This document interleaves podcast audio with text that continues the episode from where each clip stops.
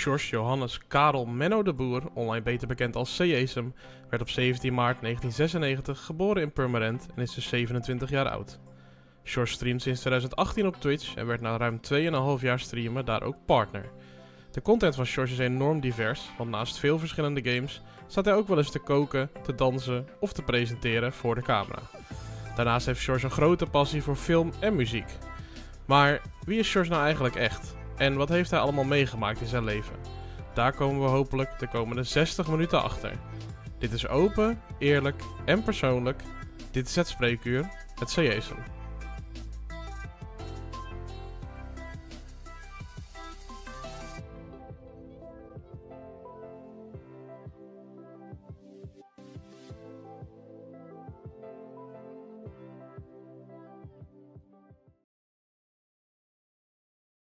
Welkom allemaal bij een nieuwe aflevering van Het Spreekuur, de 1 op 1 podcast van Nederland. Uh, George hoorde mij nog niet. Ja, ik hoor je nu wel. Oké, ja, daar zijn we. Dan beginnen we heel snel opnieuw. Welkom allemaal bij een nieuwe aflevering van Het Spreekuur, de 1 op 1 podcast van Nederland, waarin ik 60 minuten in gesprek ga met mijn gast. En vandaag is dat George de Boer, online beter bekend als CJSM. Goedenavond, George. Ja, nou, leuk om hier te zijn, uh, Steven. En superleuke intro was dat. Uh, Dank je. Echt, echt, leuke clips heb je bij elkaar gezocht. en is altijd bizar om te zien. Ja, je zei het al, in 2018 begonnen. Het is bijna mijn zesjarige jubileum aan het eind van februari. Ja. En ja, als je dan al die clips ziet, al die dingen die ik heb meegemaakt, er zaten echt oude clips tussen daar. Dus ja. dat is altijd wel bizar om ja, dat soort van terug te zien. Dat je gewoon al zes jaar, ja, gewoon ja. ja dingen... Oh, je audio klapte er even uit. Hoor je mij nog? Oh. Oh, uh, je bent weer terug. Ja, je microfoon oh, ja, klapt eruit. Mijn microfoon? Oh. Ja, ja, ik denk het wel. Oh, nou ja, je bent terug, je bent terug. Ik hoop, ik heb normaal hier nooit zomaar problemen mee. Ik hoop niet dat het nu opeens begint. Nee, komt vast wel goed, komt vast wel goed. Nee, zeker. Het, was, uh, het is altijd super leuk en ik vind, ik vind het altijd heel fijn. Tenminste, voor, ja, voor mij is het altijd heel fijn, ook natuurlijk voor uh, het product. Als ik clipjes terug ga zoeken en ik zie dat er ook echt nog oude clipjes zijn. Want je hebt ook mensen die oude clipjes natuurlijk een keertje verwijderd hebben. Of, of, of, re of rebranden en dan misschien hun oude dingen weggooien. Omdat ze denken, nou, dat, dat is niet meer wie ik ben of zo. Mm. Maar um, ja, voor mij is het natuurlijk koren op de molen als ik zie dat er nog oude clipjes zijn. Dus super leuk dat ze er zijn. Um, ja. Ja. zoals ik al zei, we gaan 60 minuten in gesprek om jou beter te leren kennen. Um, dus uh, we gaan gewoon ook lekker beginnen. Traditie, traditiegetrouw start ik dan ook altijd even echt de klok, zodat we weten hoe lang we bezig zijn. En dan, ja, we zijn nooit op nul klaar eigenlijk. Al 55 afleveringen lang, of bijna 60, maar goed. We kijken gewoon hoe ver we komen. Um, George, ik begin altijd bij het begin. Uh, lekker cliché. Um, kan je ons meenemen naar uh, het, het, het huis en de omgeving waarin jij opgegroeid bent? Uh, Oké, ja, nou ja, ik ben dus inderdaad, zoals je zei in de intro-video, ik ben geboren in Purmerend. Daar heb ik de eerste vier jaar van mijn leven gewoond. Weet ik niet per se heel veel meer van natuurlijk, maar door verhalen die ik bijvoorbeeld van mijn moeder hoor, ja, dan, dan dan, dan weet je wel weer een beetje van, oh ja, zo ging dat toen. Nou ja, ik ben dus uh, enigs kind. En mijn ouders die kregen mij toen mijn moeder 39 was en mijn vader 40, als ik het goed zeg. Dus ik was vrij laat, kwam ik pas om de hoek kijken. Mijn ouders waren op hun 25, 26e al getrouwd. Mm-hmm. Maar ja, 15 jaar lang wilde het niet lukken. om, om, ja, en toen kwam ik uiteindelijk, eigenlijk toen ze al lang de hoop hadden opgegeven, kwam ik toch nog om de hoek. en dus dat was wel bijzonder voor hun. En um, ja, en uh, nee, heel leuke, leuke opvoeding gehad hoor. Ja, mijn moeder die, die is eigenlijk altijd thuis gebleven terwijl mijn vader dan aan het werk ging. Dus zo heb ik eigenlijk mijn, mijn kinderjaren wel echt uh, gespendeerd. Gewoon veel met mijn moeder thuis. ik hield heel veel van spelen met vriendjes uit de straat.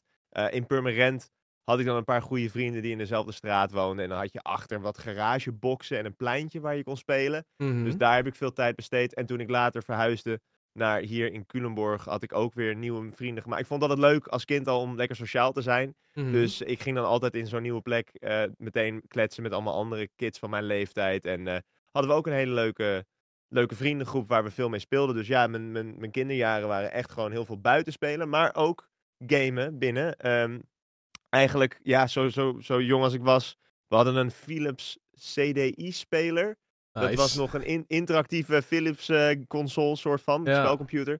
En daar heb ik volgens mij, zei mijn moeder in ieder geval, heb ik ook wel mijn ABC's een beetje interactief, een soort van gamend geleerd al. Mhm. Als, dus dat, uh, zat er ook van jongens af aan in. Maar ik denk dat ik wel een, een, een gezonde uh, kwaliteitsverhouding heb tussen, of zeg maar een gezonde verhouding heb, wil ik zeggen, tussen gamen en buitenspelen. Voor, de, uh, voor, de, voor de generatie die na ons is gekomen, want sorry, ik trek jou even bij mijn generatie, want ik ken de CDI ook.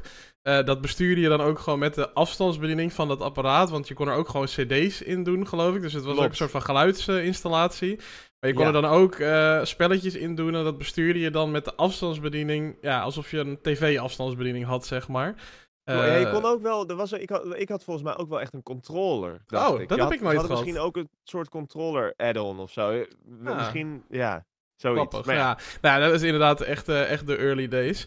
Hey, en ja. Um, ja, goed dat je ook toelicht dat je dus ook wel veel buiten bent geweest. Want toen ik las Permanent, um, Permanent is in mijn hoofd niet... Uh, uh, tenminste, ja, ik, ik ben er niet veel geweest, bijna nooit eigenlijk. Dus ik kan er niet zo over oordelen. Maar in mijn hoofd dacht ik permanent: oké, dat is misschien niet echt de place to be om heel veel buiten te spelen. Maar er is dus wel veel. Ja, ik heb. Uh, ja, nee, ja, goed. Ja, wat ik zeg, eerst vier jaar van mijn leven. Dus zoveel weet ik er niet van. En dat is dus in, ja, van 1996 tot uh, begin 2000 geweest. Um, nou ja, kijk, ik hoor nu ook tegenwoordig van mensen dat Purmerend een beetje erachter, erop achteruit loopt qua uh, image. Maar het was natuurlijk gewoon een beetje.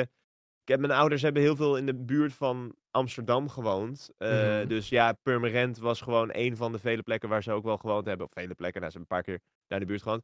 Ja. Uh, dus dat was gewoon voor, voor ook. ja, dat was, um, was gewoon wel een prettige omgeving. Ook voor hen. Veel vrienden daar die ze daar hadden.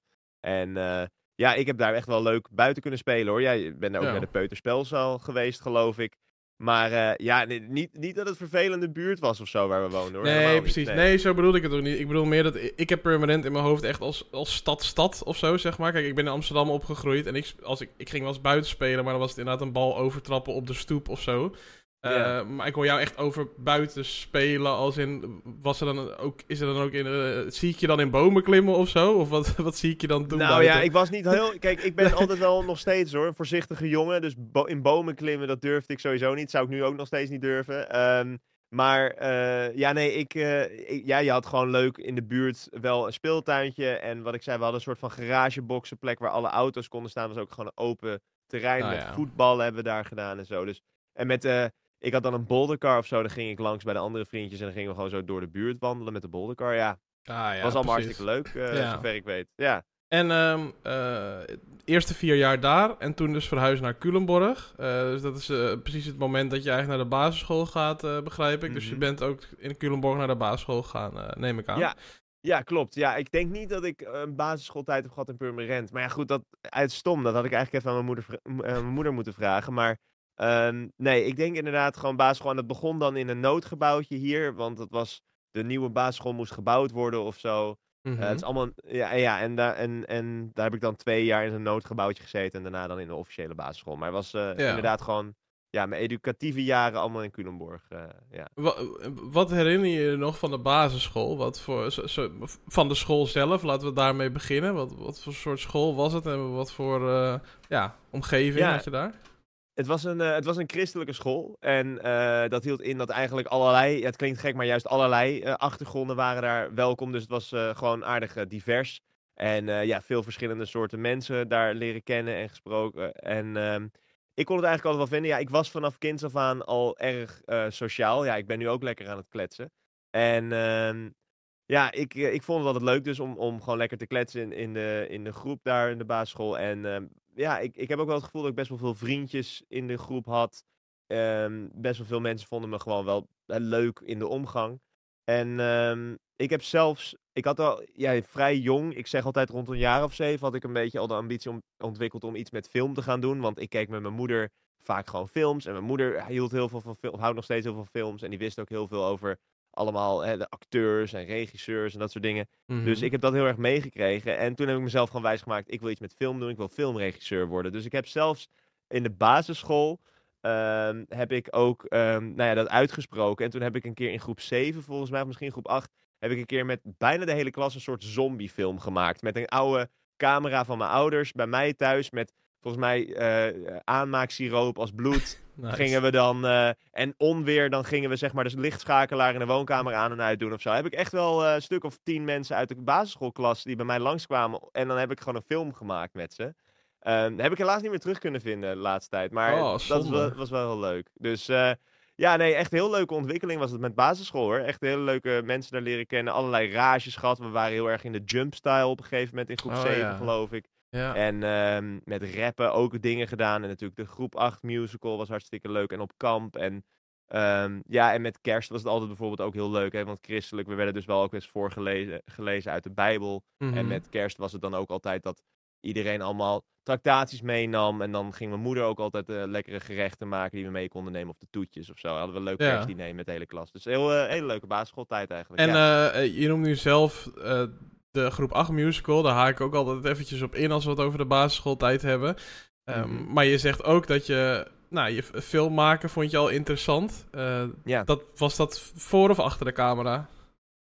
Uh, ja, nee, ik vond film maken. Ja, ik vond allebei leuk hoor. Want ook met, uh, ja, wat ik zeg, ik had die, die, die camera van mijn ouders dan, die mocht ik gebruiken. Dat was echt een mhm. oude met zo'n zo'n bandje wat je erin moest doen nog. Oh ja.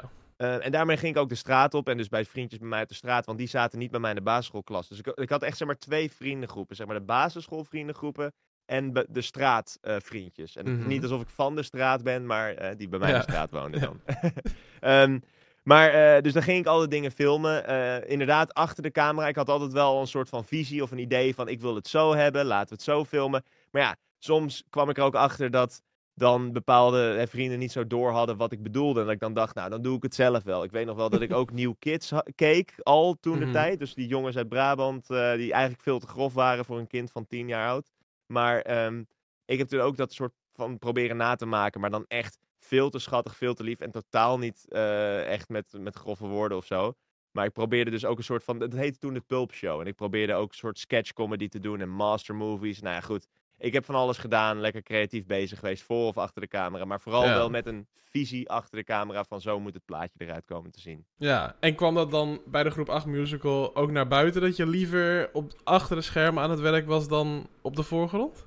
Nee, ik vond het eigenlijk ook wel weer leuk om natuurlijk een beetje de show te stelen met de musical. Ik had een paar verschillende rolletjes gekregen, waaronder, en ik weet niet meer hoe onze musical heette, maar ik had een, een rol, dat was de regisseursrol. Dan moesten we, hmm. dat werd een soort van, de vierde muur werd doorbroken, terwijl volgens mij het intronummer werd gezongen. Dan moest ik van achter het publiek door de zaal met een megafoon in mijn handen. En dat was zo'n Heineken-toeter die je toen bij het WK oh, kon scoren, weet je wel. Ja. moest ik zeggen, nee, nee, helemaal fout, opnieuw jongens, nog een keer en zo. Dus ik mhm. was wel een beetje. Ik had best wel een soort van. Ik, ik, ik werd ook. Ja, dat kreeg ik toegewezen, de regisseursrol. Iedereen zei dat moet George zijn. En uh, ik had echt wel een beetje prominent. Was ik denk ik wel aanwezig in de musical. En dat vond ik ook wel leuk hoor, om op de voorgrond te staan. Dus eigenlijk allebei is, is leuk. Ja, ja. dus uh, in ieder geval niet schuchter uh, toen de tijd. Om, nee, om in de ja, ik vind het wel spannend, maar ik heb het niet me laten afschrikken, denk ik. Nee. Nee. En je benoemde net al uh, twee, twee vriendengroepen. Uh, je noemde best mm een grote groepen uh, vrienden op waarmee je dan aan, aan, filmpjes, aan films had gewerkt en dat soort dingen. Um, was je een allemansvriend of waren er ook wel mensen waar je het minder goed mee kon vinden?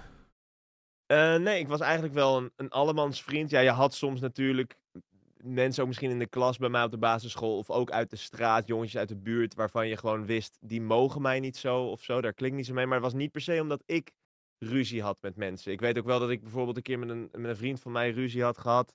Over, ja, geen idee waar dat over ging. Maar dat ik dan de volgende ochtend wakker werd en ook wel meteen hem dan ging bellen. Hij woonde letterlijk een paar huizen verderop in de straat. Maar dan ging ik hem bellen met de huistelefoon. Want ik wist eigenlijk alle huistelefoonnummers van de vriendjes uit mhm. de straat uit mijn hoofd. Ja. En dan ging ik hem bellen om het weer goed te maken. Dus ik ben altijd wel iemand geweest die ja, gewoon zoveel mogelijk mensen hè, wil dat, dat het gewoon leuk, leuk hebben. Dat ze mij leuk vinden. En dat het gewoon lekker allemaal relaxed is en niet, ja, nooit echt hele erge ruzies gehad. Of helemaal niet met vechten of dat soort dingen. Of echt mensen helemaal verrot schelden. Dat uh, heb ik mhm. nooit zo gedaan. Nee. nee. Eh, even een grappige sidetrack, zeg maar. Heb jij, dat, heb jij dat nu nog, dat je telefoonnummers uit je hoofd weet van, van mensen om je heen? Ik dus totaal niet. Nee, ik ook niet meer. Maar ja, dat komt natuurlijk omdat je mobiel hebt met alles daarin opgeslagen. Dus dat is helemaal weg. Nee, ik, eh, ja, ik weet nog altijd mijn eigen huistelefoonnummer van vroeger ook nog. Dat is ja. onveranderd gebleven. Uh, dus die weet ik nog steeds. Maar voor de rest heb ik niks meer uh, onthouden. Ja, grappig hoe dat gaat. Ik, inderdaad ook, als je iemand moest hebben, een van je vrienden, dan wist je al die huistelefoonnummers gewoon uit je hoofd. Maar, maar dat is ook zo met verjaardagen eigenlijk. Want vroeger wist ik dat wel. En nu tegenwoordig gebruik je hè, toch de Facebook herinneringen. Of dat je op zo andere social media kanalen ziet wanneer ze jarig zijn. ja, Dat is wel, je, je bent er wel een beetje lui van geworden op dat op vlak. Met sociale dingen bijhouden. Maar Gek hè? Nou, laten we hopen dat we die uh, hersenruimte voor iets anders gebruiken dan. Precies, ja, ja, ja. er komt ruimte bij, vrij voor wat uh, ja, dingen. Ja, precies. En um, basisschool is soms ook een tijd... Uh, je hoort vaak dat kinderen dan op een bepaalde sport gaan... of een muziekinstrument gaan spelen of zo. Nou ja, jij had een passie dan voor films... Mhm. ging je iets doen in je vrije tijd in die richting? Een soort vaste hobby die wekelijks terugkeerde of iets? Uh, nee, ja, dus ik denk dat, ja, kijk, gamen deed ik ook wel als vaste hobby toen. Ik mhm. kreeg uh, eigenlijk een beetje de hand-me-down consoles van mijn neef. Die is vijf jaar ouder dan ik ben. En uh, die woont dan in Italië.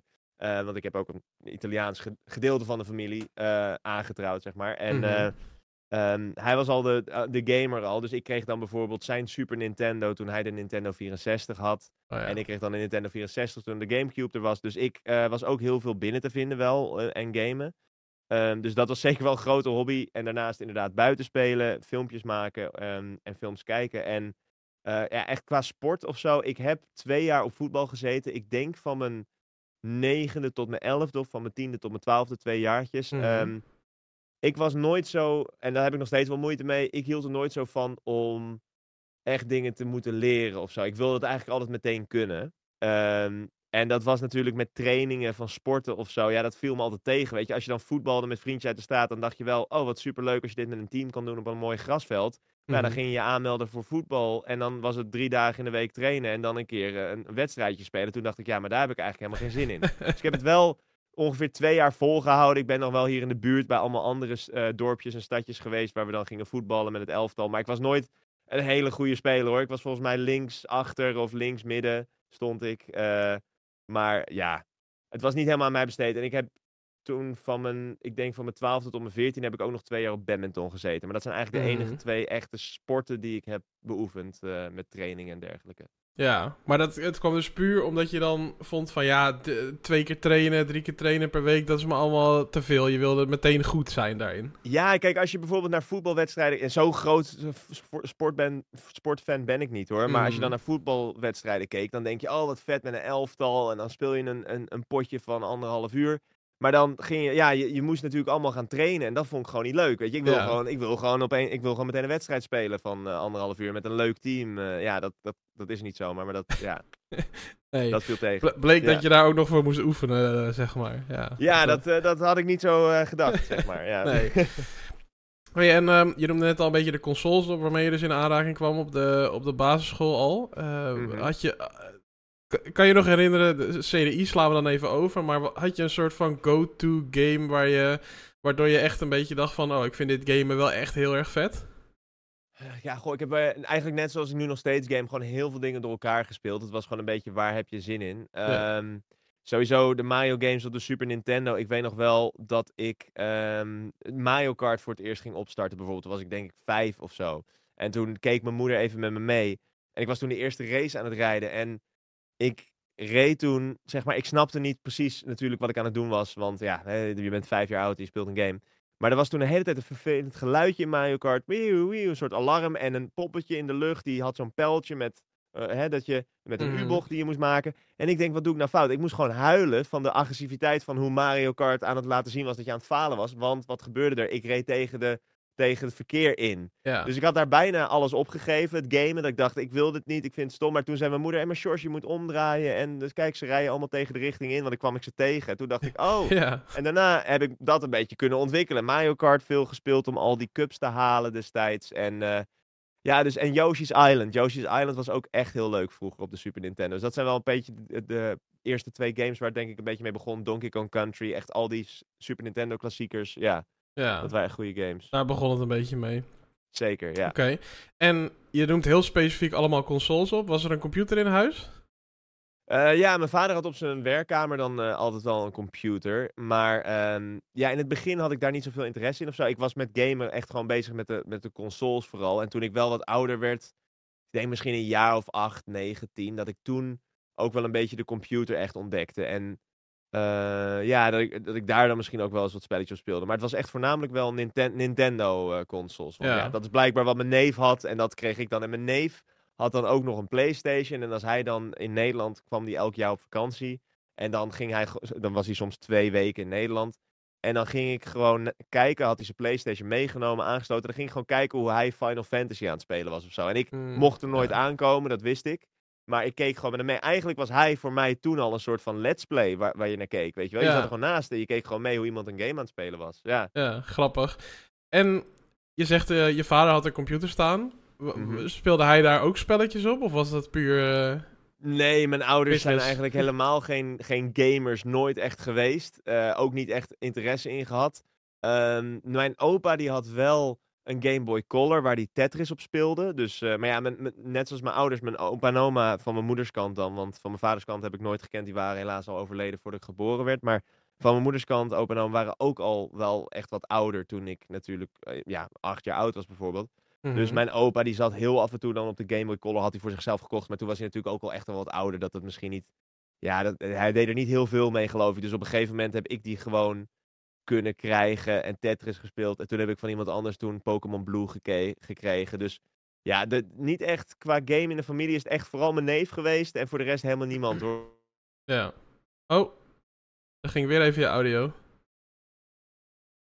Ben je er weer? Ja, ik hoor je. Ja. Loopt, het loopt soms vast op Discord. En dan eh, blijkbaar valt de microfoon Ja, uit. ik denk dat Ja. Discord dan misschien gewoon eh vervelend aan flop. het doen is. Nou, kan gebeuren. Ja. Ehm, blijft internet natuurlijk. Ehm, Mhm. Hey, einde, einde basisschooltijd. Eh daar zit natuurlijk een, eh een CITO-toets aan vast. Eh, Mhm. Dus het leuke gedeelte is de, is de musical. Het minder leuke gedeelte voor sommige kinderen is dan die CITO-toets. Klopt. Ehm, kan je nog een beetje terug naar dat moment? Want sommige kinderen die, die zijn er heel zenuwachtig voor. Anderen vinden het allemaal, maar- die vinden het allemaal maar best. Kan je nog een beetje terug naar dat moment? Vond je het spannend?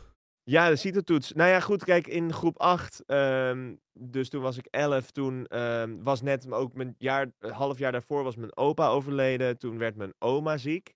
En de eerste eer- dag van groep 8, eh, toen zeiden eigenlijk alle moeders die de kids kwamen ophalen, eh, zeiden allemaal tegen elkaar, oh, dit wordt zo'n leuk jaar voor jullie, weet je wel. Je gaat op, op kamp gingen we en je had die musical en zo, en dat is allemaal spannend.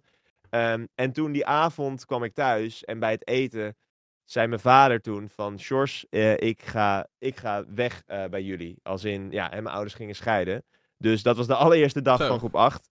Eh, dus dat hakte er wel in. Ja, ik moet zeggen, ik heb, ik heb toen aan tafel wel... was ik heel emotioneel natuurlijk. Ehm, en wat ik heel gek vond, was dat mijn vader ook heel e- emotioneel was. Want dat was altijd wel een- man die gewoon wel zich ja, groot kon houden, zeg maar. Maar hier Mhm. ja, logischerwijs was hier natuurlijk ook wel echt door geëmotioneerd. Dus dat vond, vond ik wel heel, heel bijzonder om te zien. Daarna heb ik dat best wel vrij snel kunnen verwerken hoor. Ehm, dus groep 8 was verder wel. Het was een turbulent jaar, maar wel, wel nog steeds heel veel leuke dingen, leuke herinneringen aan hoor. En eh, ja, mijn moeder die heeft toen eh, nou ja, werk moeten, moeten vinden, omdat ze, eh, ja, ze was eigenlijk een, een stay-at-home mom. En dat werd dus natuurlijk nu anders, nu mijn vader bij ons wegging. Ja. En het was gewoon heel netjes geregeld hoor. Mijn ouders verder heel netjes uit elkaar. Echt geen vechtscheiding of iets dergelijks. Maar ook naar de. Volgens mij, ik moest als kind dan naar een advocaat of zo om dingen te ondertekenen. Dat ik Oh, ja. eens in de twee weken in het weekend bij mijn vader langs zou gaan. Mhm. Nou ja, die advocaat zei dat hij nog nooit zo eh relaxed eh, onderhandeling had gehad. Want ik zei gewoon, ja hoor, is goed. En ik had het al met mijn ouders besproken. Het was helemaal goed. Ik ging, kijk, mijn Ja. vader accepteerde ook wel natuurlijk dat... Ja, ik was echt wel een moederskindje. En ik had in Culemborg mijn bestaan opgebouwd. En mijn vader ging naar Utrecht. Dus die Mhm. snapte ook wel dat ik gewoon lekker hier eh, kon blijven. Dus dat, dat was eigenlijk allemaal wel heel relaxed eh, onder die omstandigheden. ja. Ehm, ja, en dan eh, is mijn oma in dat jaar ook nog overleden. Dus mijn moeder was ook heel erg bezig met het overlijden van haar ouders. Dan een scheiding. We gingen verhuizen. We, we, moesten wel, we wilden wel in Culemborg blijven natuurlijk. Dus ja, mijn moeder heeft toen wel echt veel voor de kiezer gehad. Maar achteraf, ja, ik bedoel, als je achteraf erover nadenkt, denk je, jeetje, wat, wat een hoop, hoop gedoe. Maar het- als kind had ik dat niet allemaal door. Ik bedoel, er waren heel veel veranderingen. Maar mijn moeder kon mij heel goed meenemen daarin. En, en hield zich voor ons beiden heel groot. En dat, daar ben ik heel dankbaar voor. Want daardoor heb ik heel weinig echt daar een tik van gekregen, denk ik. ja. Eh, ja, anders moet ik dat een keer met een psycholoog gaan bespreken. Maar dat denk ik in ieder geval. Dus dat is wel heel fijn geweest. En eh, ja, met de CITO-toets toen, kijk, ik, mijn, ja, mijn moeder en mijn vader hebben daar helemaal niet zo zich om bekommerd. En ehm, ja, ik heb die gewoon gemaakt. eh, Mhm. En ik, werd, ik kreeg de HAVO toegewezen. En achteraf zei mijn moeder wel van... Goh, Sjors, je was misschien ook wel een, een jongen voor het VWO geweest. Maar ehm, ja, weet je, in zo'n jaar heb ik dan misschien daardoor wat slechter kunnen presteren. Je hebt geen idee natuurlijk. Maar daar hebben we nooit rekening mee gehouden. En mijn ouders gingen dat ook helemaal niet aanvechten. Die waren gewoon zo niet daarmee bezig. Die zeiden, oké, okay, Shores of Haven gekregen. Nou, welke middelbare school wordt het? Want je had er twee in Culemborg. Je hebt Mhm. er nog steeds twee. En toen, eh, dus zo is dat gelopen, ja, met de CITO-toets. Maar ja, ik werd dus ingedeeld op, op de HAVO in KWC. KWC had ik gekozen, maar er was niemand van, van mijn basisschoolklas die daar ook heen ging. Oh. Heel veel mensen gingen naar de andere middelbare school op de HAVO. Of op de KWC, mijn school, maar dan VWO of eh, VMBO. Maar niemand op de HAVO. Dus dat was wel even moeilijk. Want toen had ik eigenlijk al die vrienden die ik had opgebouwd, ja, die waren er niet meer. En ik merkte dat aan het begin van de middelbare school was wel echt een hele andere manier van vrienden proberen te maken dan hoe dat ooit bij de basisschool ging. Het werd opeens niet meer zo geaccepteerd dat ik eh, enthousiast was om met mensen te kletsen en dat ik ook graag dingen wilde leren op school en graag toch een beetje bedweterig wilde doen en mijn hand opstak omdat ik eh, het gevoel had dat ik van alles al wist. Ja. Ehm, dus dat was, dat was vooral ook wel het vervelende eraan. Dat ik denk van, eh, ik heb in het begin van de HAVO-tijd, dat is de eerste anderhalf jaar geweest, heb ik echt wel een hele vervelende tijd gehad, zou ik willen zeggen. Waarin ook wel pesten aan bod is gekomen en zo. Mhm. Ehm, dus dat is vooral iets waarvan ik denk, goh, ik ben benieuwd hoe het leven was gegaan als die CITO-toets anders was gelopen, weet Ja. je wel. Ja, ja. dat, eh, ja, maar ja. Ja, eh, eh, voordat we gaan zeker nog even over de middelbare schooltijd eh, door hoor, zo. Maar ik ben nog heel eventjes benieuwd Mhm. wat je net allemaal vertelt over ja, het jaar in groep 8, zeg maar. Dat is Mhm. best wel een turbulent jaar geweest, veel gebeurd.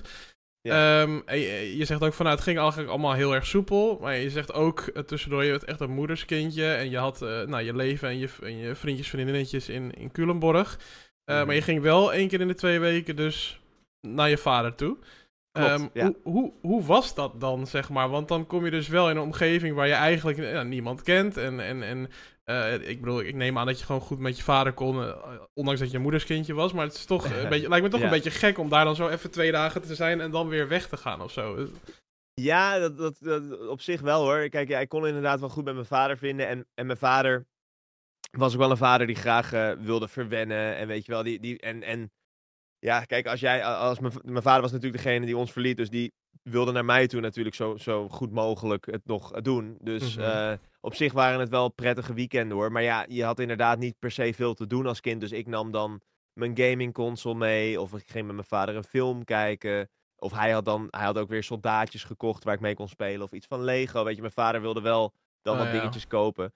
Maar in het eerste paar maanden dat mijn ouders gescheiden waren, had mijn vader ook nog niet echt een goede vaste plek om te wonen. Dus hij heeft is een paar keer toen in korte periode verhuisd. Dus sowieso was het gewoon even van, oh, eh, mijn vader is nu weer verhuisd, nu, nu woont hij hier. En dan heb ik dat een paar keer gezien. En daarna was het, oh, nu zijn we hier. En, en het pas toen hij echt een beetje een vaste plek had. Ik denk dat dat echt een half jaar of een jaar heeft geduurd na de scheiding van mijn ouders. Dat ehm, toen kon ik wat meer een beetje ook settelen bij mijn vader. Toen waren er wat dingen eigen. Toen heb ik daar ook wat spullen achtergelaten waar ik dan weer bij terugkwam als ik iedere keer hem bezocht. Dus Mhm. eh, ja, die eerste paar maanden waren inderdaad gewoon, ja, gewoon een beetje met mijn vader kletsen en wat spelletjes spelen die ik mee mocht nemen of die hij voor me kocht. En eh, dat was het een beetje. Ja. Dus ja, Maar toch een beetje, een beetje, ja, het is natuurlijk een rare situatie, eh, ongeacht op welke leeftijd, denk ik. Alleen, mhm. je was redelijk jong, dus dan kan ik me voorstellen dat het eh, eh, helemaal een beetje wennen is, omdat je toch een bepaalde situatie gewend bent, jarenlang, en dat dat verandert. Ja. Dus, eh, nee, nee, goed. eh, maar goed om te horen in ieder geval dat het allemaal goed is gegaan natuurlijk. En, eh, nou ja, ik bedoel, je hoort ja. van sommige mensen horrorverhalen met scheiden van ouders. Ja, en dat ze echt heel veel last van hebben gehad. Maar ja, wat ik zeg, mijn ouders hebben het gewoon heel netjes opgelost. Met echt ook met mij in het achterhoofd. Dat ze niet ja, wilden dat ik hier veel nare herinneringen aan overhield. Ja. Ik bedoel, al met al is het natuurlijk verdrietige gebeurtenis. Maar ja, ze hebben wel gewoon hun best gedaan om dat naar mij toe gewoon zo netjes mogelijk eh, op te lossen. Dus eh, ja. ik heb daar, wat ik zeg, eh, ja, ik heb daar niet per se hele vervelende, echt hele vervelende. Nee, wat ik me afvraag, hè, want ehm, hoe, hoe, hoe, hoe was de emotionele band met allebei je ouders? Want ik kan me voorstellen dat dit een gebeurtenis is die aan de ene kant misschien heel graag wil bespreken. Eh, Mhm. Maar is misschien, eh, ja, aan de andere kant zijn er ook genoeg zi- gezinnen waarin dat misschien helemaal niet eh, bespreekbaar is. Misschien ook een beetje gek natuurlijk om op die leeftijd te vragen van, nou, ja, waar, waarom is mijn vader eigenlijk bijvoorbeeld weggegaan of zo?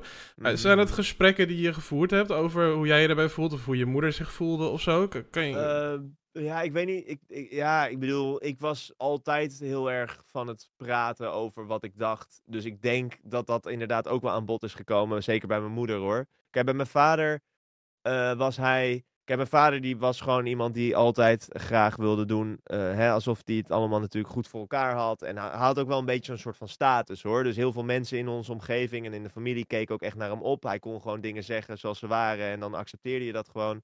Um, dus dat was een statige man waar je denk ik. Uh, ja, op emotioneel gebied soms moeilijk bij kon. Je, je, je kon dan gewoon wel zeggen van, goh, hoe gaat het? En dan gaf hij gewoon even, ja, wel prima. En dan ging hij daarna praten over het nieuws, over het weer en whatever. En um, ja, ook naar mij toe. Dat, ja, ik weet niet of ik er op die manier heel veel met hem over gehad heb. Hij was meer, denk ik, iemand die zoiets had van, nou, we, hè, we, gaan, we spelen goed weer en we doen verder van alles. Maar ik had ook niet per se, ik wist dat wel van mijn vader. Dus ik voelde mhm. me dan ook ongemakkelijk om daar echt veel over te gaan praten. Over hoe hij zich erbij voelde. Of hoe ik er me daarna echt bij voelde. Dus het, het was een soort van ja, ik accepteerde gewoon, dit is hoe het nu is. Uh, ik ga eens in de twee weken bij mijn vader langs. En dan was het ook gewoon vooral leuk hebben met elkaar en niet over dit soort dingen praten. Maar met mijn moeder eh, kon ik eigenlijk altijd alles bespreken en nog steeds. Dus uh, dat heb ik ongetwijfeld met mijn moeder wel goed kunnen verwerken op die manier. Ja, ja precies. Nou ja, goed, dat is uh, natuurlijk ook fijn als dat kan. Mm -hmm. Hey, middelbare school. je zei het net zelf al. Ehm, niet de allerleukste periode uh, uit, je, uit je leven, hoor ik zo. Nee. Ja. Um, hoe, hoe was dat dan verder voor jou om daarmee om te gaan? Want uh, ik denk dat ik echt uh, 80, 90% van de mensen die ik hier spreek, die hebben wel iets meegemaakt. En het gaat dan van een paar keer iets roepen naar vechtpartijen of uh, echt uh, thuis blijven zitten, zeg maar, uh, ah, van, van ellende. en iedereen gaat er op zijn eigen manier mee om. Dus ik ben toch altijd een beetje nieuwsgierig van, je zegt nu ook, ik, ik was best wel een prater. ging je daar dan ook over praten? had, je, had je grote mond terug? ging je naar docenten toe of naar je ouders, vrienden, vriendinnen? Hoe, hoe ging jij daarmee om? Ja, uh, ja nee, toen ik dus bij de middelbare school ingedeeld werd in een klas waar ik verder niemand kende, kwam ik erachter dat eigenlijk alle jongens in die klas elkaar wel kenden van een school hier in de buurt, een basisschool Geldermalsen. Dus die fietsten elke dag uh, 25, 30 minuten naar school toe mhm. samen. En die waren echt met een groep van een stuk of acht of negen of tien. Um, en er zaten nog wel wat andere jongens in de klas. Maar goed, die hele groep was gewoon. Je kende elkaar al heel erg. En er zaten dus daar wel wat vervelende gasten tussen. die ja, het niet zo met mij hadden. Ik was iemand die op de basisschool ook gewoon inderdaad leuk met iedereen wilde kletsen. Ik wilde ook met de docenten gewoon gezellig uh, meedoen. En met de les een beetje bedweterig laten zien dat ik wist wat, uh, waar ik het over had. En ja, dat werd gewoon toen opeens heel anders en niet gewaardeerd. Um, dus ik heb in die klas wel met een paar van die andere jongens die wat meer op de achtergrond zaten, heb ik wel een beetje ja, we waren een beetje met die groep de outsiders. Maar daar zaten gewoon in die andere groep jongens zaten echt wel wat vervelende gasten. Die gewoon mm. uh, elke keer. En het ging dan van simpele dingen als pootje haken. Maar ook wel. Ja, hè, gewoon echt grappen maken over mij. Dat echt wel heel uh, denigerend was of zo. Ook een keer. Ja, weet ik veel. Ik werd een keer met een pen uh, gestoken. Heb ik nog een litteken van in mijn schouder. Echt bizar. Ik oh, was een beetje toen zelf terug aan het kloten. Maar toen kreeg ik dus een pen zo. Nou ja, goed. Verder. En ook een keer met een uh, etui met een rekenmachine erin op mijn achterhoofd geslagen of zo. Ja, het zijn gewoon, uh, het waren hele nare uh, momenten soms. Ja. En ik zat er ook inderdaad in het begin van de middelbare school helemaal niet op te wachten om daar vaak heen te gaan. Ik vond het echt heel kloten. Ik heb wel echt mhm. ook een paar keer thuis dan moeten huilen en dat je gewoon niet zo goed wist wat ik moest doen. Dat ik, ja, mijn moeder zei volgens mij ook nog een keer van ja, je kan altijd naar een andere school of zo. Maar ja, dat voelde ook natuurlijk weer stom. dus ja, daar heb ik echt wel moeite mee gehad. Nou had ik dus wel het geluk, en dit klinkt een beetje cru, maar ik had het geluk dat er iemand anders in mijn klas was uh, die eigenlijk nog erger gepest werd dan ik. Die was echt een beetje uh, vaak de target. Ja. Uh, ik was, probeerde zijn vriend vaak te zijn, maar hij was gewoon een beetje een aparte jongen. Hij had gewoon bepaalde, hij, je kon hem gewoon makkelijk uit de tent lokken, laat ik het zo mm. zeggen. Hij was echt heel aardig, um, maar zij wisten gewoon altijd precies het bloed onder zijn nagels vandaan te halen. En dat is precies wat ze wilden. Dus hij liet zich heel makkelijk kennen nog. En dan... Um, daar heeft de middelbare school echt slecht mee gehandeld. Die, uh, die is echt weggepest. Um, uh, en ja, ik heb geluk gehad dus dat hij een beetje de bliksemgeleider is geworden voor, voor voornamelijk het vele pesten. Mm -hmm. um, maar ja, ik heb daarna ook wel geluk gehad met dat ik in de helft van het tweede jaar, helft van de tweede klas, kwam er bij mij uh, een nieuwe jongen. Die was van de VWO gezakt naar de HAVO. En dat was een gast, die vond iedereen meteen stoer, want hij was gezakt, weet je wel. En hij, uh, ja, hij had een beetje de bad boy attitude. Maar het was ook een gamer. En in die periode had ik ah. net een Xbox, Xbox 360, en die had hij ook. Dus mhm. toen zijn we samen een beetje gaan gamen met elkaar. En hij is eigenlijk degene, degene die ervoor zorgde dat mijn status in de klas veranderde. Omdat hij had een beetje de coole status en ik was zijn vriend. Dus ik werd een beetje cool via Eh, om het zo te zeggen. Dus ik werd gewoon opeens heel anders behandeld in de loop van de tijd. En eigenlijk na mijn tweede middelbare schooljaar.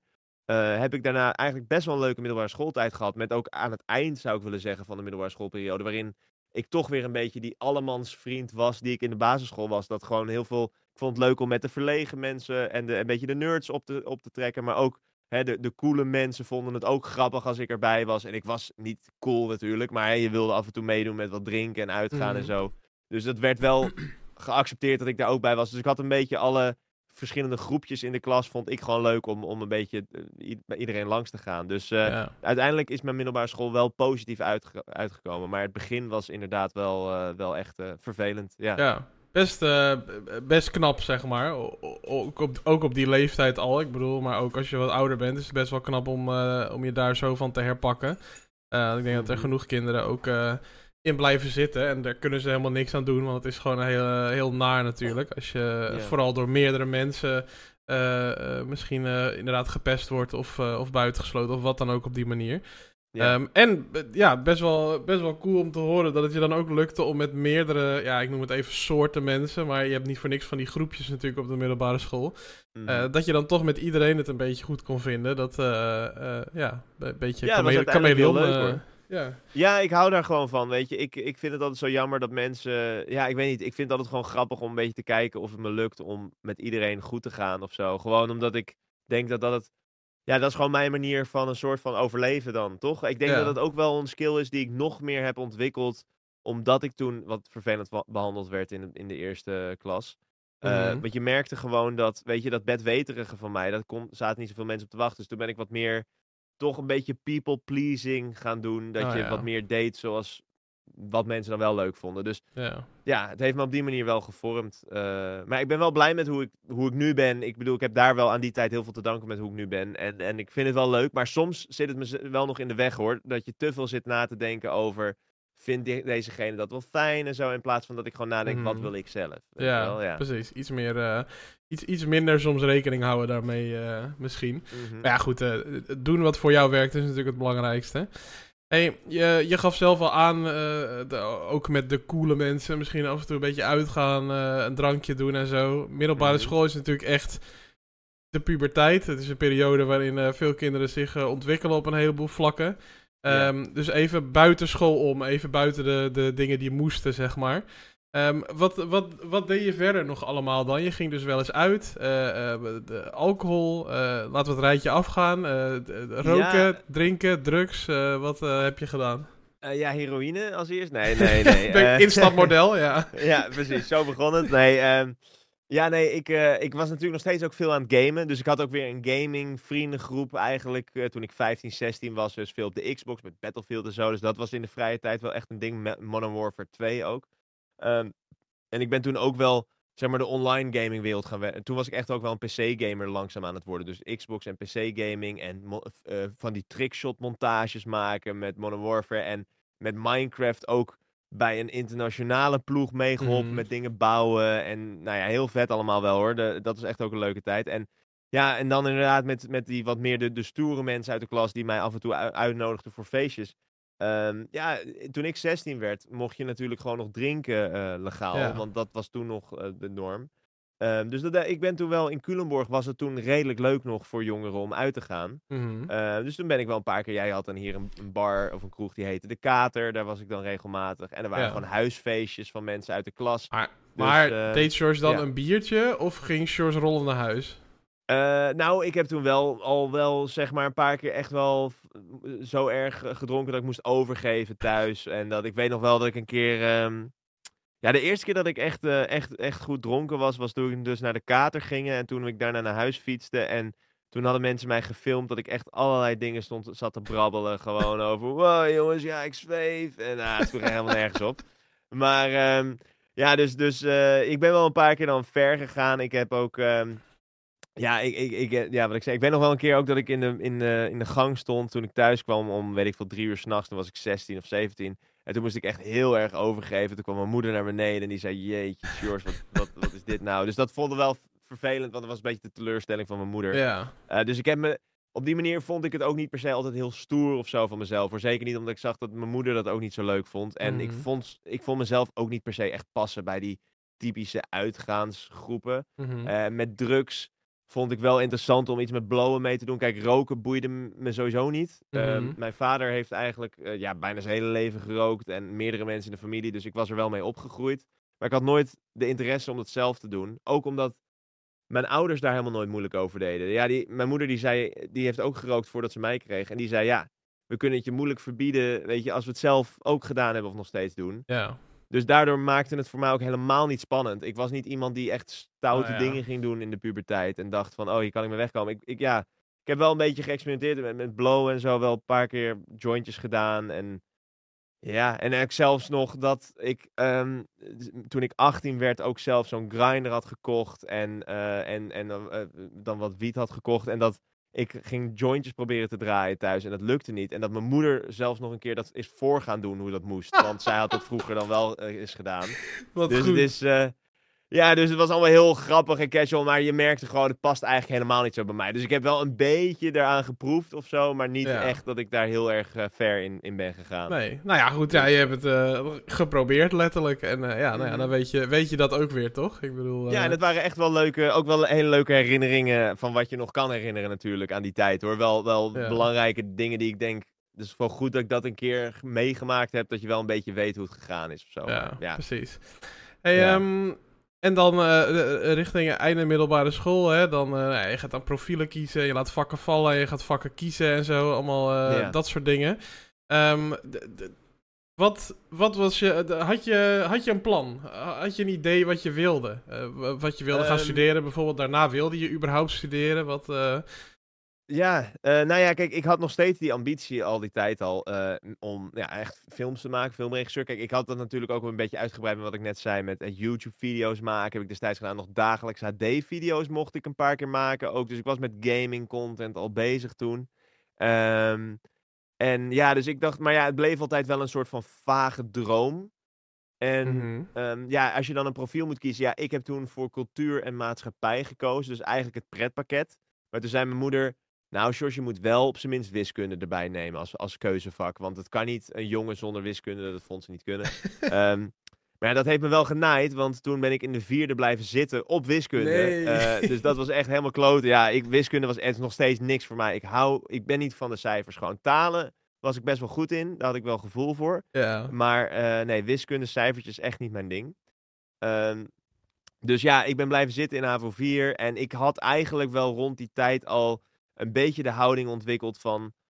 Weet je, het, ja, ik, ik vond dat hele huisje, boompje, bezig als in met de studie. En je, hè, je, of je hebt je middelbare school, je gaat de studie doen of zo. Ik, ik weet niet, ik voelde daar wel steeds minder voor. Ik zag wel een beetje de, hoe zeg je dat? Het, het, het doek was een beetje gevallen voor, van de middelbare school voor mij. Dat ik dacht van, hé, hey, eigenlijk slaan sommige vakken nergens op. En het huiswerk wat je krijgt en de boeken. Mm. En het is eigenlijk allemaal soms een beetje onzin gewoon, weet je wel. Dus ik werd niet heel erg rebels, maar ik vond het wel soms echt, echt heel dom.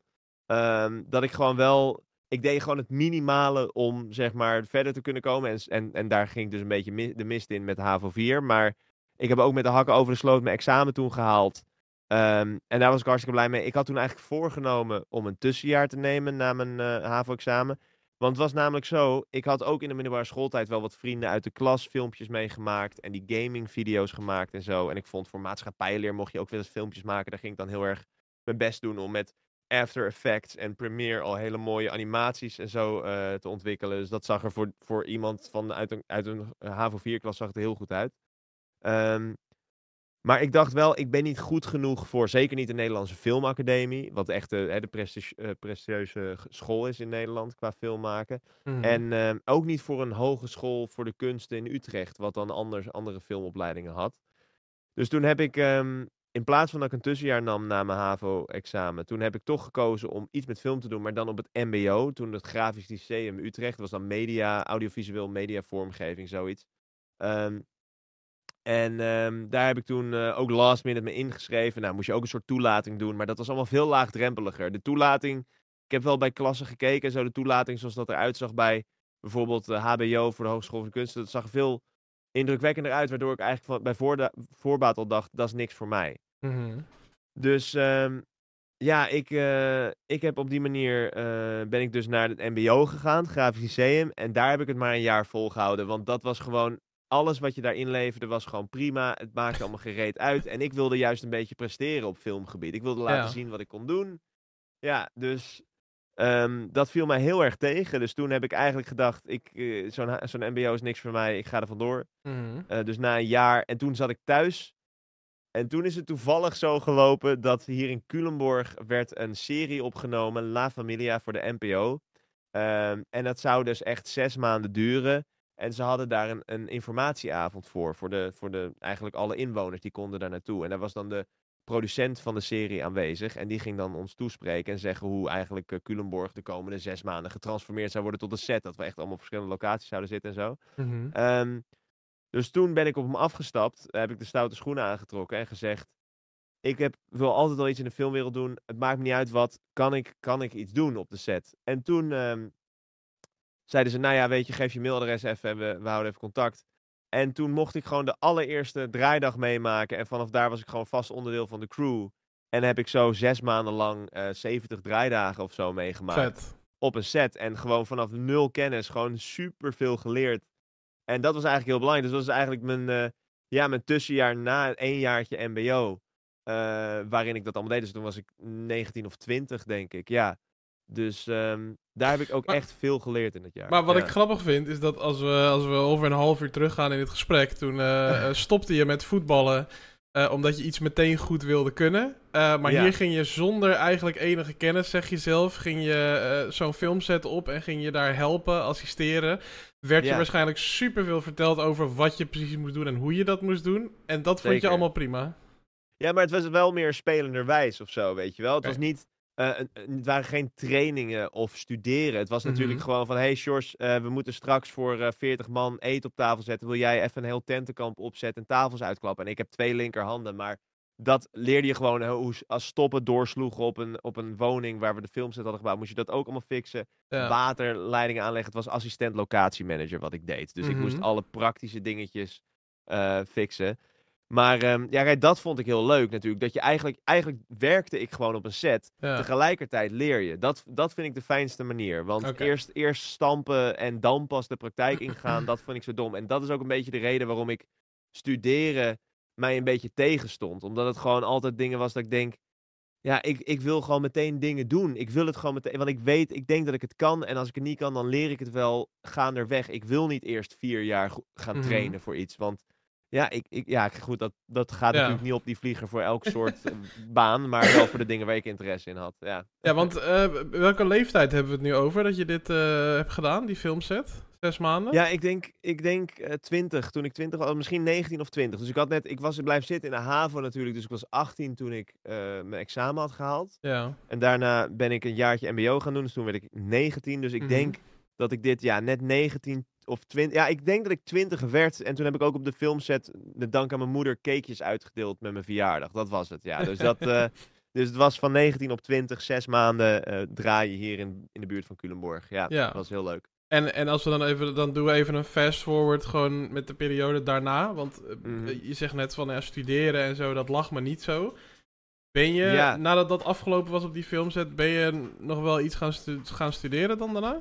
Ja, ik heb cursussen gevolgd toen. Want zij zeiden dus van, oh, als je echt iets met filmregie wil doen, dan zijn er nog wel wat toffe cursussen die je kon doen. En dat vond ik wel interessant, want ik denk, hé, hey, dat is niet een vier jaar volle opleiding, maar gewoon Mhm. een jaar. En dan ook niet fulltime, maar gewoon hè, een paar keer in de week of misschien één keer in de week. En toen heb ik in dat cursusjaar, eh, heb ik, ben ik gaan volgen bij de Amsterdam Film School. En toen heb ik mijn eigen shortfilm eh mogen maken in één jaar tijd. Waarin je in het begin leert script schrijven, dan met dat script leer je cameraregie. En dan spelregie met acteurs die ook van een acteeropleiding kwamen.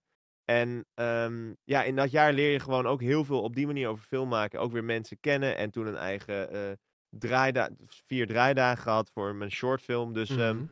dat is ook wel heel, heel belangrijk geweest voor mijn eh, vorming, denk ik. Zo'n eigen film maken. En ook een hele leuke periode weer. En daarna ben ik weer een beetje terug in de filmwereld gerold met assistentfuncties. Ehm, daar heb ik een beetje zo aangemodderd een paar jaar. Ja. Oké, want um, ik, uh, misschien spoel ik hem te snel vooruit hoor. Maar ja, goed, we moeten altijd uh, wat stukjes natuurlijk uh, overslaan ja, soms. Geen probleem hoor. Ja. Um, wat ik, je, hebt, je hebt zelf ook in het gesprek wat we hiervoor even kort hebben gevoerd, zelf je 25e verjaardag als een soort van, mm. ja, een soort van ja, mijl, mijlpaal, of in ieder geval als bijzondere dag heb je die aan me omschreven. Um, En ik uh, scrollde eventjes uh, op je Instagram en toen kwam ik de post van je 25e verjaardag toevallig tegen. Oh, ja. Ik weet of je zelf nog weet wat je daarbij hebt geschreven. Uh, maar een stukje daaruit was in ieder geval. Um, als kind droomde ik ervan om ouder te zijn, echt volwassen. Ik had gedacht dat ik rond deze leeftijd wel wat filmprijzen in de wacht gesleept zou hebben. Um, zo zag ik het voor me. Um, ja, was wel heel ambitieus dus, uh, zeg maar.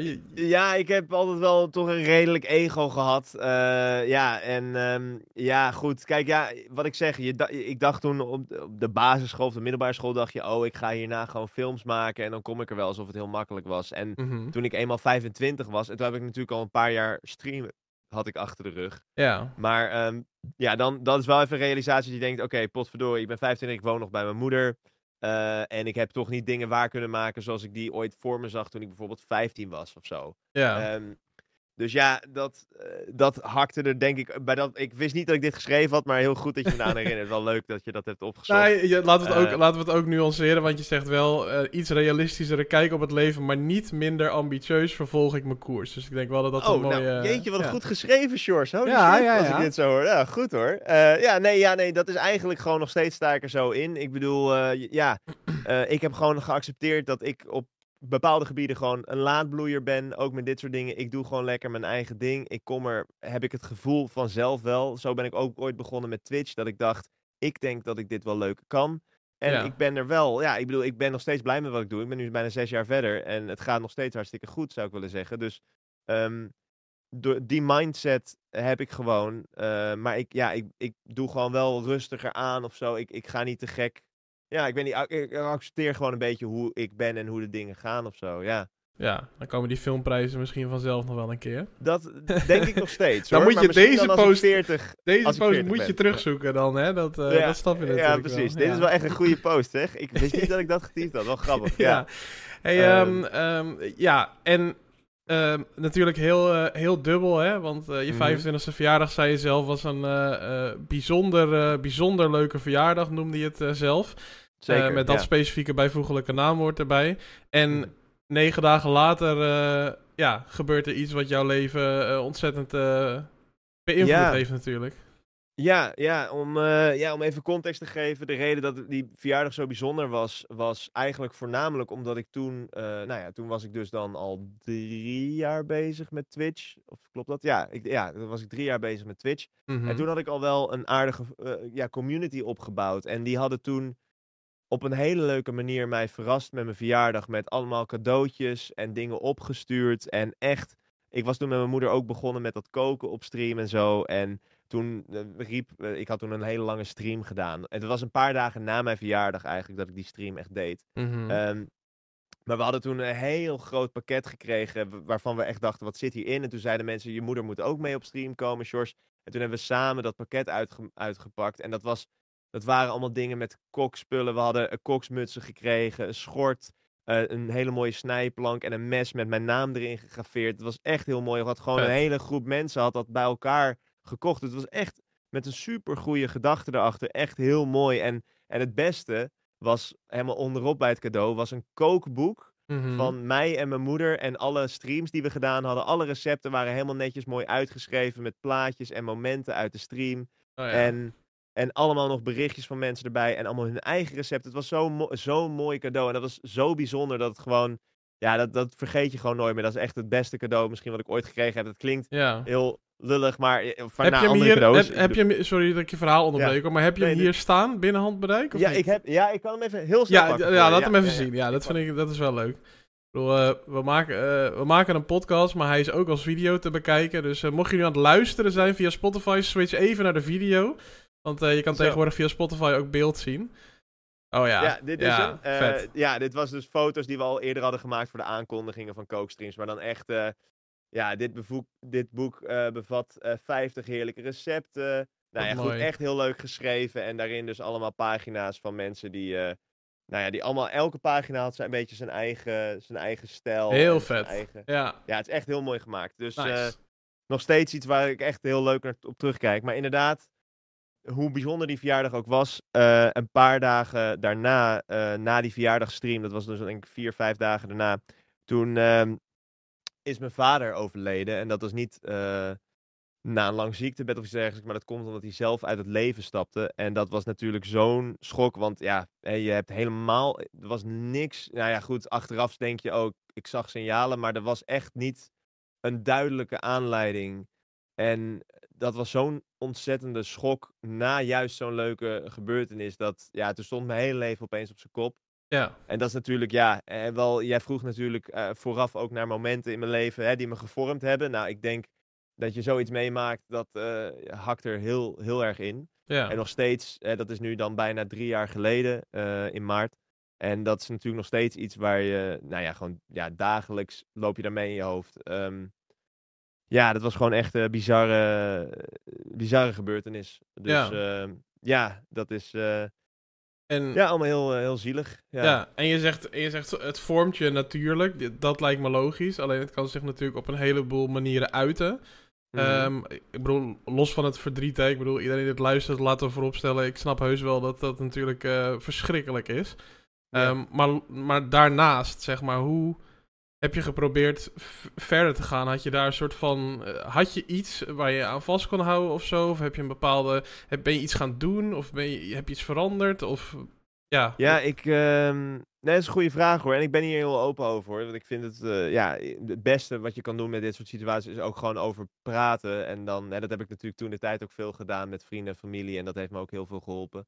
Um, ja, het. Uh, eigenlijk hoe ik, het, hoe ik heb gehandeld daarna was... Uh, natuurlijk, ja, er komt, er komt ze weer terug in het verhaal. Mijn moeder, uh, die, uh, die was voor haar ook een hele shock. Want ja. ja. ze is toch heel lang met mijn vader samen geweest. Ook al waren ze inmiddels toen de tijd al 13 jaar gescheiden toen hij overleed. het heeft natuurlijk ook op haar een hele, hele erg impact gehad. Dus ik kon gelukkig samen met mijn moeder daar heel goed over praten. En um, ja, en, en dat heeft me zeker heel veel goed gedaan. En mijn moeder is over het algemeen. Kijk, met, dit, met zo'n situatie is het moeilijk om echt nuchter te blijven. Maar eh, ondanks alles probeert ze wel ja, zo steady mogelijk te blijven. En dat heeft mij ook heel veel geholpen. Dus ik heb eigenlijk vrij kort na het overlijden van mijn vader wel. En ik weet niet of heel, dat heel slim was, achteraf gesproken. Maar vrij kort daarop ben ik ook toch wel weer een beetje teruggegaan met streamen. Toch het leven weer een beetje vervolgen. Ik weet nog wel, mijn mhm. vader overleed op een vrijdagochtend. En ik had uh, een bijbaantje bij de post uh, een paar jaar. Uh, dat deed ik altijd op de zaterdag. Uh, ik ben toen die zaterdag daarna ook gewoon uh, gaan werken. Dus ik had het 24 uur geleden gehoord en de, de, volgende dag zat ik weer op de fiets.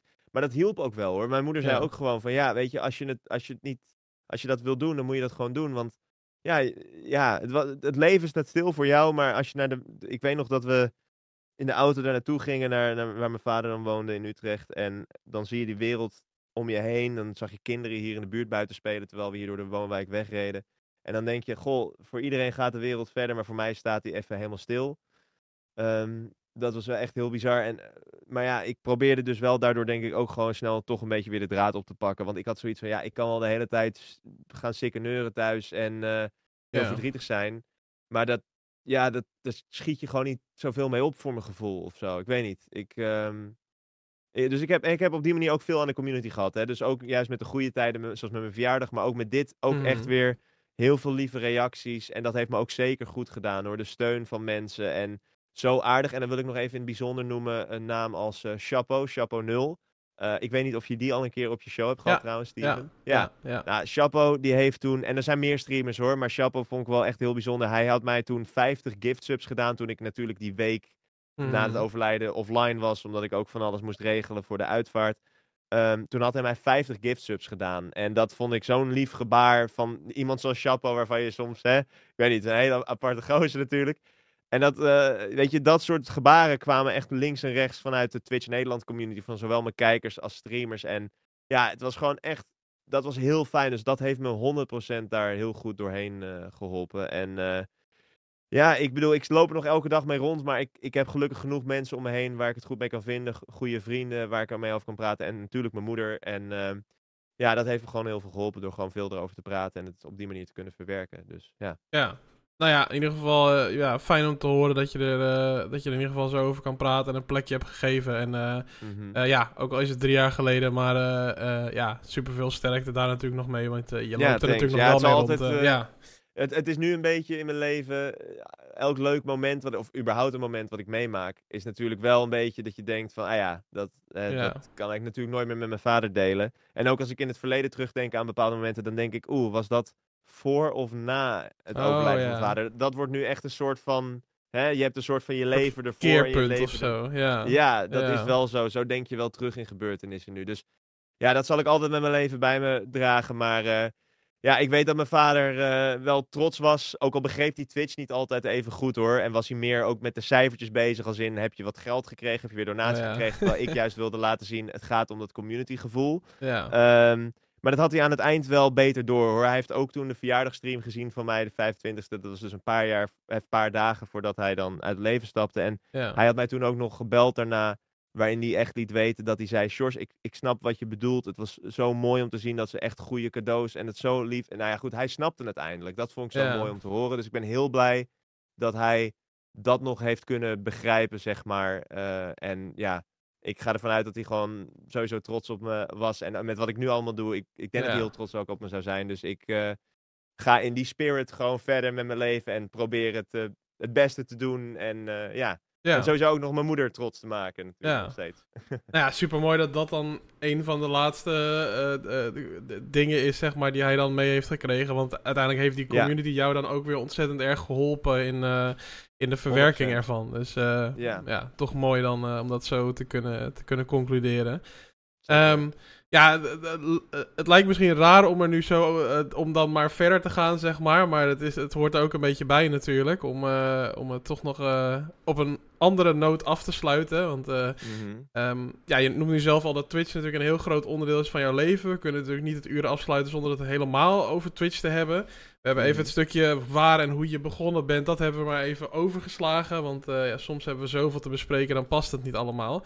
Snap Maar ik. ik ben ja. natuurlijk nog wel super benieuwd, want ehm, ja, ik, ik ken jou nog wel, zeg maar, als eh, de- toen je in ieder geval nog geen partner was, eh, toen je nog beginnende Mhm. was. Eh, ik kan me nog ook nog wel een klein beetje herinneren, volgens mij, dat je het soms ook nog wel een beetje lastig vond welke, welke weg je in moest slaan en hoe je het dan precies allemaal moest doen en zo. En, Mhm. ehm, en nu heb je best wel wat dingen geflikt, zeg maar. Als we kijken naar alle dingen die je hebt gedaan op Twitch soorten shows die je hebt gedaan, eh, dingen die je buiten Twitch hebt gedaan, dankzij Twitch misschien ook wel. Zeker, Ehm, ja. Ik hoorde je eh, gisteren toen je live was eh, zeggen van, nou, en dan ben ik weer twee dagen daar en een première daar en een game release en weet ik het allemaal.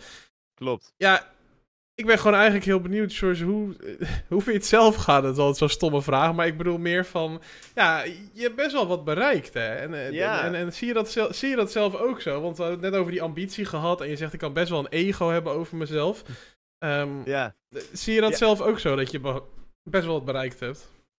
Ja, wel hoor. En, eh, en zeker wat, jij, wat ik al zei aan de introductievideo van net, eh, was ook gewoon wel leuk om te zien alle momenten. Soms ben ik dan dusdanig nuchter of zo, dat ik inderdaad ook te weinig stilsta misschien bij de leuke momenten. Dus ja, ik sta er wel bij stil dat ik echt wel veel mooie dingen bereikt heb hoor. Daar ben ik ook wel trots op. Alleen ja, toch denk je dan wel weer snel van, oh ja, ik wil nu dit doen. Of ik wil altijd nog dat een keer gedaan hebben. Mhm. Dus ehm, ja, ik ben wel iemand die misschien niet altijd genoeg stilstaat bij alles. Maar ik ben zeker wel, ja, toch echt wel trots op waar ik gekomen ben. Ehm, en heel veel mooie dingen mogen doen, inderdaad. Ik ben blij dat ik toch gewoon ja, wel ingezet heb op Twitch. Terwijl hè, ja, veel mensen ook wel dachten van, wat, wat moet je op dat platform? Ja, Maar ehm, ja, ik had altijd wel op die manier echt een ego over mezelf. En dat ik geloofde in mezelf. Dat ik denk, ik denk dat ik hier wel een, een plekje thuis Maar- kan vinden. En eh, ja, dat heb ik wel waar kunnen maken. Dus dat, Ja. dat, dat heeft in ieder geval mijn gevoel in mezelf laten zien van... Hey Shores, eigenlijk de dromen die je hebt, je kan ze gewoon waarmaken. Ja. Dus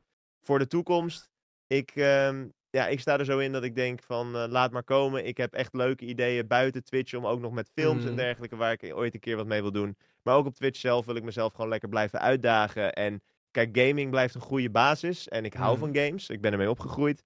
Maar daarbuiten vind ik het nog steeds wel belangrijk om te kijken hoe, hoe kan ik andere soorten content maken. Weet je wel, of het nou eh, kookstreams zijn met mijn moeder, of presentatieklusjes of andere shows. Mhm. Ehm, ik vind het gewoon lachen om lekker creatief bezig te zijn. En dat Ja. er nu een publiek voor is wat het ook kan waarderen, daar ben ik heel dankbaar voor. En eh, ja, nou ja, dus en, precies wat jij net zegt van, eh, ja, ik heb ook nog wel ambities richting de filmkant en dit en dat. En ik weet dat je Mhm. een passie voor muziek hebt ook. En Mhm. nou, we hebben het al over gehad, over wil je nou voor of achter de camera. Eh, de, de, ook aan jou, eh, eh, ook bij jou zitten maar 24 uur in de dag natuurlijk. Dus er, Ja. komt, er, komen, er komt natuurlijk echt een dag dat jij misschien een bepaalde kans krijgt om voor het ene of voor het ander volle bak te gaan. Ehm, het- heb, je, heb je in je hoofd, je doet nu heel veel Twitch, maar mag ik je fulltime streamer noemen of ben je allergisch voor dat woord? Ja, nee, oké. nee ja, hoor, nee, zo mag je me noemen hoor. Sommige mensen ja. vinden dat heel naar, maar, ehm, ja, maar, nee. maar is er iets wat op jouw pad kan komen waardoor je zegt, ja, maar dan, dan gaan we toch echt de streamuren verminderen?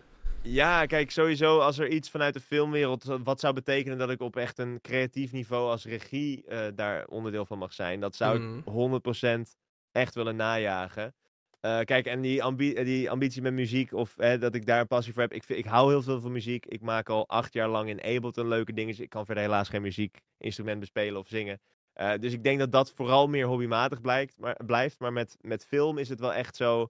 Als ik daar een mooie kans in krijg, dan zou ik die wel met beide handen aangrijpen, denk Ja. ik. Ehm, kijk, en Twitch, ik, ik vind Twitch heel leuk. En ik, ja, ik, ik heb ook gewoon genoeg leuke ideetjes om nog met Twitch te doen. Maar ik denk wel dat het ook voor mijn eigen gemoedsrust, hoe zeg je dat? Ja, dat het goed is om wel een beetje meer te doen dan alleen Twitch of zo. Ik denk, Mhm. Het is heel leuk. Ik doe het nu zes jaar en ik zie het me echt nog wel genoeg jaren doen. Maar ehm, ja, echt, eh, ja, ik weet niet. Ik denk dat ik inderdaad toch ook wel shorts achter de schermen ook wel leuk vind. Dus Ja. ja, ja ik, ik zou dat ook zeker wel aangrijpen als zo'n kans eh, zou, zou opspringen. Dus eh, ja. Ja.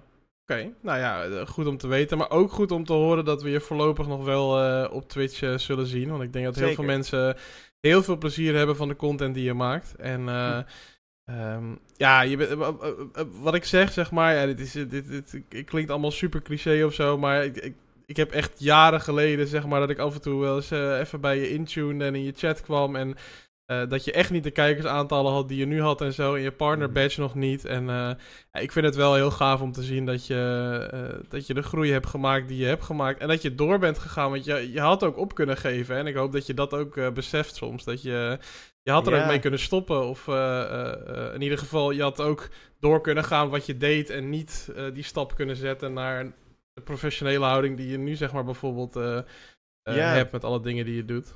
Ja, en nogmaals, ik bedoel, het is een rode draad in het verhaal ook. Maar daarin is natuurlijk mijn thuissituatie, dat ik bij mijn moeder woon, ook heel gunstig geweest. In dat ik daarin mezelf gewoon kon ontwikkelen. En die bijzondere kansen die ik aangeboden kreeg vanuit Twitch ook, met, ook gewoon goed kon pakken. Omdat mijn moeder me daar eigenlijk volledig in eh, heeft ondersteund. En eh, ja, en, en daardoor is het nu gekomen hoor. Dus het is echt, eh, ja, het is gewoon inderdaad een, een beetje geluk. Een beetje hoe ik ben opgevoed en ondersteund. En, en gewoon inderdaad dan het, eh, toch het blijkbaar het goede inzicht om de juiste keuzes Ja. te maken op het gebied van eh, streamen. Dus ja, Ik wilde net zeggen, het is ook talent en het is ook hard werken. Laten we dat niet vergeten. zeg zeker. maar. nee, Eh, 100% niet, eh, hoor. Maar nee, ik ben heel blij met wat ik doe en ik ben heel trots op hoe het gegaan is. Dus ja, nee, dankjewel voor de, voor de lieve woorden. Ja. En ook toen der tijd, Steven, die ben ik niet vergeten hoor. Ik weet nog dat je ook fan was volgens mij van de kookstreams. Zeker, ja, absoluut. Twitter volgens mij verkondigd. Dus nee, dat eh, zeker. vond Ja. ik altijd heel fijn om te horen. Zeker Ja, dat ja. soort reacties. eh, Ik, ik ja. weet nog dat ik dat voor het eerst zag. En eh, ja, echt mensen, ja, je, je doet het nu niet zo heel veel meer, hè, volgens mij. Maar nee, ik heb het afgelopen jaar twee Ja. keer in de keuken gestaan. Ja, ja, maar ik had echt, toen ik dat voor het eerst zag, ik had echt, ja, zeg maar, het was gewoon een combinatie van, het was, en dat is het hele idee natuurlijk er ook achter, zeg maar. Het had iets heel aandoenlijks of zo. En ik vind, ja, je moeder is gewoon, ik heb je moeder no- nooit in het echt ontmoet. En misschien gebeurt dat wel nooit, maar door het beeldscherm heen, zeg maar, zoveel warmte en gewoon... Ja. Die, die hele stream, die hele opzet klopte gewoon, zeg maar. Ik zag dat en ik dacht, dit is gewoon... Dit is precies... Ik kijk eigenlijk nooit streams. Mensen die mij persoonlijk kennen, die weten dat. En toen ik dat zag, dacht ik, ja, ik kan dit gewoon twee uur lang gaan zitten kijken. En dat, dat gevoel had ik echt nog bijna nooit gehad op Twitch. Dat ik dacht van, ik ga hier gewoon voor zitten en ik ga dit gewoon fullscreen kijken. En, maar ik denk ook dat dat En ik denk dat het een beetje door, door het hele verhaal heen zijpelt. Hè? Jouw, jouw band met je moeder is gewoon gigantisch. En uh, dat is ongetwijfeld ehm, sinds het overlijden van je vader natuurlijk nog veel sterker geworden. Maar mm. die band is er altijd al geweest. En hoe ze jou dan gesupport heeft, ook in je Twitch-leven, maar ook met al het andere eromheen. Ja, ik denk dat dat ook uitstraalt gewoon. En uh, ja, het heeft jou ontzettend erg geholpen, denk ik. En, uh, maar vlak jezelf niet uit, want je zei ook al eerder in het gesprek dat je soms je eigen successen uh, niet, te, niet genoeg viert en ziet. Uh, dus geef jezelf ook credits daarvoor, hè? Nee, sowieso, dankjewel hoor. En ja, nee, superleuk om te horen dat dat goed in de smaak is gevallen. En ja, het idee is nog wel om weer een keer dat een beetje de, de, de spatel en de pan op te pakken. Maar ja.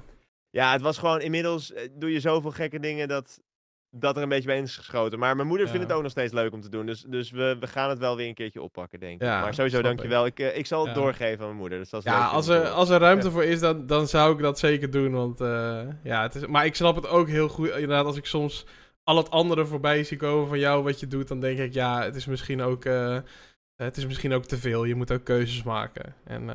Ja, maar het is wel de moeite waard om weer op te pakken, denk ik. Het, is wel, het was ook inderdaad wel een hele leuke tijd. Dus ja. uh, nogmaals, dankjewel voor de lieve ja, ja, ja, geen probleem, geen probleem.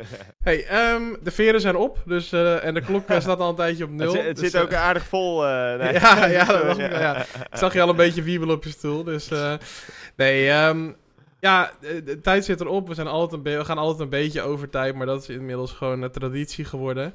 Um, Maar dit was wel het spreekuur met uh, Sejezem, uh, uh, de Boer, Twitch-streamer, fulltime Twitch-streamer mag, ik hem, mag ik hem noemen, heb ik net gehoord. Zeker. Ja. Um, en um, ja, sowieso super bedankt dat je erbij wilde zijn, Sjors. ja, nee, dankjewel voor de uitnodiging. Je had me al een paar jaar geleden uitgenodigd door Steven. Ja. En het is helemaal aan mij dat ik zei, ja, ik weet niet wanneer ik, we kunnen en zo. maar nu dacht ik, ik heb Steven te lang laten zitten met dit idee. We gaan het gewoon doen. En, uh, en toen hebben we gewoon een datumprikker eruit uh, waardeer ik, uh, en, ja. waardeer ik heel erg. En voordat we live gingen, zei ik al tegen je heel grappig. Want de mensen die tot nu toe dit seizoen te gast zijn geweest. Dus zowel Taco Bella als Han Ryan en jij. Die heb ik allemaal al twee, drie jaar geleden gesproken. Een keer van: hey, willen jullie een keer te gast zijn? Alle drie konden ze om verschillende redenen net niet of net mm. wel. En nu kwam het allemaal samen dit seizoen. Dus ja, wat dat betreft heel grappige uh, dat het zo samen is gevallen. Het moest zo gaan. Nee, dus ja. uh, ik ben heel dankbaar dat ik hierbij mocht zijn. En dankjewel voor de leuke vragen ook, Steve. En dat ik mijn verhaal kon doen. En ook het introfilmpje. Ik had je al een paar keer erover een compliment gegeven. maar ik vond het echt heel grappig. Dus dankjewel. Mooi zo. Mooi zo. Hey, um, uh, volgende week heb ik natuurlijk weer een gast. Ja, dit, dit schemaatje wat jullie nu in beeld zien, dat is een klein beetje outdated. Omdat vorige week toen Richie te gast zou zijn, was ik helaas ziek. Die aflevering die wordt nog ingehaald. Uh, bij Short zie je nog 30 januari staan. Maar ja, die is er vandaag op 29 januari. Uh, maar de, de, uh, de datum van volgende week die klopt helemaal. 6 februari is uh, Fishinator te gast. Um, vooral bekend van YouTube, maar streamt ook op Twitch al een tijdje. maakt ook heel veel online content. En ehm, eh, ja, we gaan eens uh, met hem in gesprek om uh, te kijken hoe hij ja, geworden is, hoe hij nu is en wat er allemaal gaande is in zijn leven. En vervolgens hebben we de rest van het seizoen nog een aantal andere hele leuke gasten. Avital, Melizzi, Noah Noella, Posy Tristi.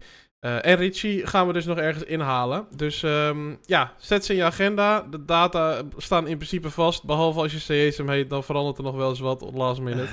Nee, dat, is lullig. Blijft, dat is lullig. Uh, ook wel een rode draad in mijn leven trouwens, dat het wel eens verandert. Ja, precies. En, uh, nee. ja. Um, ik wil sowieso alle Spotify-luisteraars en kijkers alvast even bedanken. Want dan gaan we daar alvast de aflevering voor afsluiten.